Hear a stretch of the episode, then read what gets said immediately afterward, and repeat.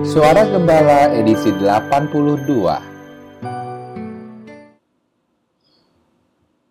Suatu hari ada seorang wanita yang menemukan sebuah batu permata di jalan. Ia pun mengambil dan menyimpannya.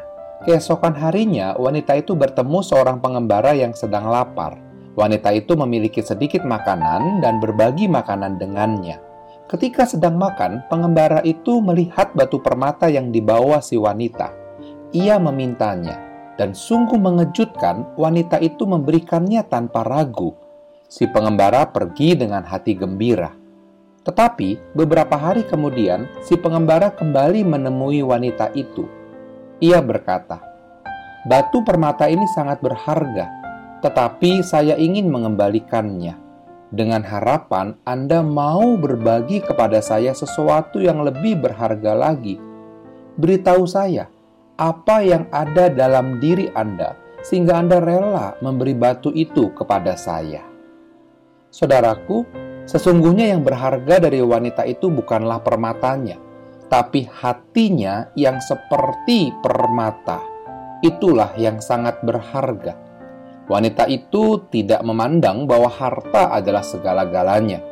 Harta adalah sesuatu yang datang dan pergi, tidak kekal dan tidak abadi. Itulah sebabnya hati wanita itu tidak terikat pada harta. Secara bagaimana dengan Anda? Apakah Anda masih merasa bahwa harta adalah segala-galanya?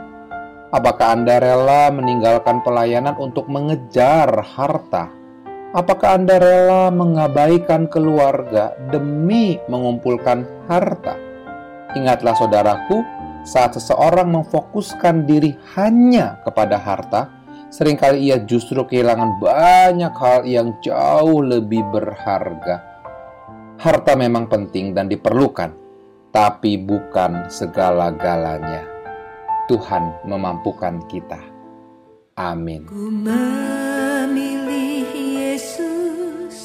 bukan harta dan dia milikku melebihi